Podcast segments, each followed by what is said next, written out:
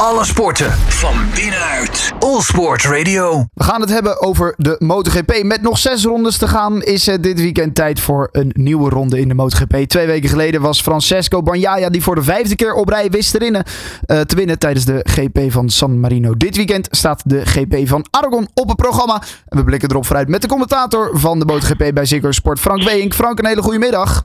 Goedemiddag. Hey. Ja, het eh, wordt met het weekend weer eh, spannender en spannender in de MotoGP. Uh, Banjaya, vijf wedstrijden op rij gewonnen. Staat nog maar 30 punten achter Quartararo.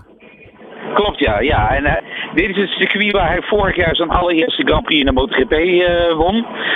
Um, en ja, vanmorgen hebben we al training gehad en hij liet ook weer zien dat hij een van de meest regelmatige snelste rijders was. Dus hij is wel de man uh, in vorm op dit moment. En Fabio Quartararo heeft al aangegeven dat dit een van zijn moeilijkere circuits zou worden. en als we kijken naar de eerste resultaten zou het ook best wel zo kunnen zijn. Maar voor Quartararo is het belangrijk om in de kwalificatie, in de tijdtraining er goed bij te staan. En gaat dat lastig worden, zoals we twee weken geleden hebben gezien in Misano, dan wordt zijn hele wedstrijd daar eigenlijk door beïnvloed. En bij Banjaya weten we dat hij in de kwalificatie er ja, zo goed als zeker bij staat op ofwel de eerste of de tweede rij. En er zijn acht Ducati-rijders en er is maar één Honda-rijder, of sorry, Yamaha-rijder die snel is. En dat is Quartararo. Dus het is eigenlijk, je zou bijna zeggen, ondanks het feit dat hij de leider in het kampioenschap is, is het uh, klein duimpje tegen de grote reus als het ware. Ja, ja uh, jullie hebben het er ook al eerder over gehad in jullie commentaar. Uh, Ducati kan vanwege die acht coureurs die inderdaad goed meedoen, natuurlijk veel meer informatie opdoen over het circuit, over de banden. En dat is in de race dan het grote voordeel van Ducati. Waar dus, um, nou ja, Quartararo op de Yamaha het allemaal alleen moet doen. Klopt, ja. En dat is uh, iets wat volgend jaar wellicht nog uh, moeilijker gaat worden. Want volgend jaar is er maar één Yamaha-team meer met twee rijders. Ja. En dan hebben we dus uh, Quartararo en zijn teamgenoot, die ook dit jaar erbij is, Franco Morbidelli. En Morbidelli heeft het moeilijk op de Yamaha. En ondanks het feit dat het ietsje beter gaat, lijkt het ook volgend jaar nog wel weer allemaal op de schouders van Quartararo terecht te komen. Moeten we wel zeggen, Volgend jaar lijkt het allemaal, ziet het er allemaal wat beter uit voor Quartararo. Er komt een nieuw blok. En dat nieuwe blok lijkt in ieder geval een stuk beter te zijn, sterker te zijn dan het blok dat hij nu uh, ter beschikking heeft.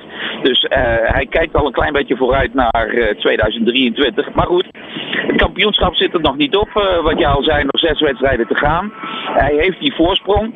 En we gaan natuurlijk na deze wedstrijd overzees. En dan hebben we een aantal circuits waar de coureurs al jaren niet meer geweest zijn hè, door de coronapandemie. We gaan ja. naar uh, volgende week in uh, Japan, dan gaan we naar Thailand, gaan we naar Australië, gaan we naar uh, Maleisië. En eigenlijk weet niemand precies wat hem daar te wachten staat. Dus dat is misschien ook wel een klein beetje de, de, de hoop voor Quartararo dat hij daar in ieder geval niet nog meer gaat verliezen. Ja, ja, opvallend vind ik altijd. In de kwalificatie zit hij er soms niet lekker bij. Maar in de race kan hij altijd op zijn eigen klasse er toch weer bij komen.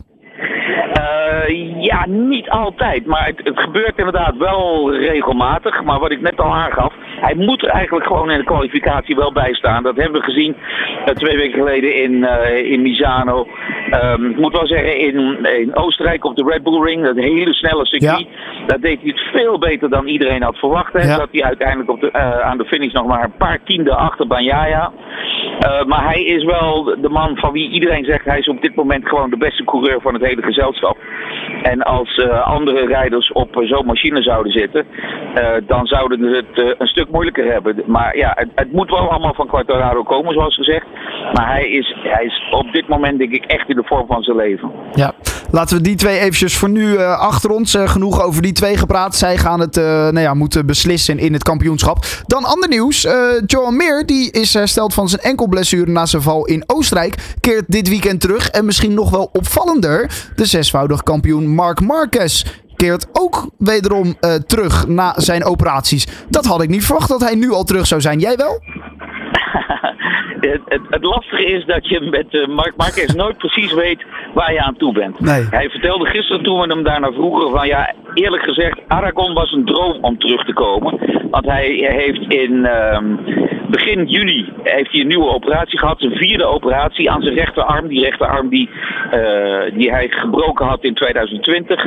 Ehm, en die eigenlijk niet goed hersteld was. Die is opnieuw gebroken omdat het bot gegroeid. Sorry, gedraaid was, vastgegroeid. En ja, daardoor had hij onvoldoende kracht. En hij had eigenlijk niet verwacht dat hij hier weer terug zou komen. Dit is een circuit. Uh, jij zegt hij is een zesvoudig kampioen inderdaad in de MotoGP. Hij heeft hier ook zes keer gewonnen. Dus dit is een circuit vanwege de vele linkerbochten waar hij altijd goed is geweest. En uh, ja, dit is misschien wel de ideale plek om terug te komen. Om nou te zeggen dat hij meteen weer voor het podium gaat, nee, oh, dat wordt misschien een beetje lastig. Hij heeft gisteren zelf gezegd op donderdag, ik heb 1% kans op het podium. Mm, ja, dat is misschien een klein beetje pessimistisch. Maar ik verwacht eerlijk gezegd niet dat hij voor de overwinning kan gaan. Maar Santi Hernandez, dat is zijn crewchief, zeg maar de belangrijkste monteur met wie hij te maken heeft. Die zei ook van, hij verbaast me elke keer nog. Misschien kan hij dat zondag ook wel.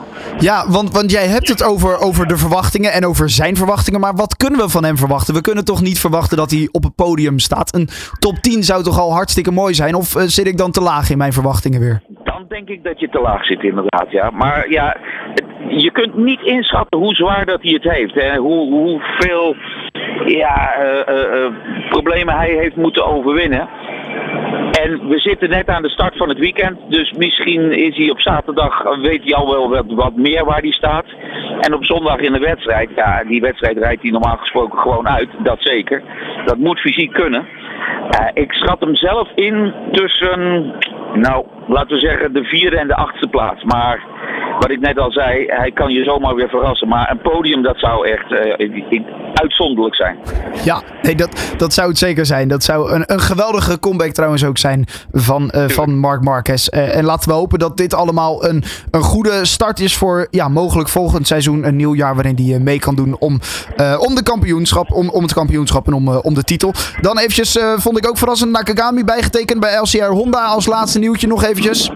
Ja, ja, of het verrassend is, ik kan me voorstellen dat je dat zegt, omdat er een heleboel sprake is geweest. Er is een heleboel gesproken over het feit dat hij misschien vervangen zou worden door een jonge Japanner. Eh, die uit de Moto 2, zeg maar de opstapklasse naar de MotoGP, uh, die daar snel is, Ogura. Maar eerlijk gezegd denk ik dat ze bij Honda slim zijn geweest om hem nog vast te houden. Want uh, anders hadden ze volgend jaar drie nieuwe rijders gehad in de MotoGP. Juan Mir, die je net noemde, die is volgend jaar de teamgenoot dus van, uh, van Marc Marquez. Uh, Alex Rins, die van Suzuki komt, die gaat naar Honda. En dan hebben ze dus al twee nieuwe mannen. Als ze nou ook Nakagami nog zouden hebben ontslagen, dan zouden ze drie nieuwe rijders hebben gehad. En ik weet niet of dat verstandig zou zijn geweest. En bovendien denk ik dat uh, Ogura, uh, die jonge jongen uit de Moto 2, dat hij nog een klein beetje moet leren. Oké, okay. het is ook een, een, een eenjarig contract. Dus nou ja, goed. volgend jaar zien we hem in ieder geval nog terug in de MotoGP. voor nu wil ik je bedanken, Frank. En we kunnen het allemaal weer zien op Ziggo Sport, neem ik aan, hè? Absoluut, ja. We zijn er uh, met alle trainingen, alle kwalificaties bij. En uh, zondag ook uh, met, met de wedstrijden natuurlijk. En een interview ja. met Luca Marini, die trouwens ook bijgetekend heeft. Een jonge jongen, die denk ik ook nog dit jaar voor verrassingen kan zorgen. Gaan we allemaal in de gaten houden. Zien we uiteraard ook de Moto 3 en de Moto 2 natuurlijk met de twee Nederlanders daarin. Voor nu wil ik je bedanken Frank en veel plezier dit weekend. Dankjewel. Alle sporten van binnenuit. All Sport Radio.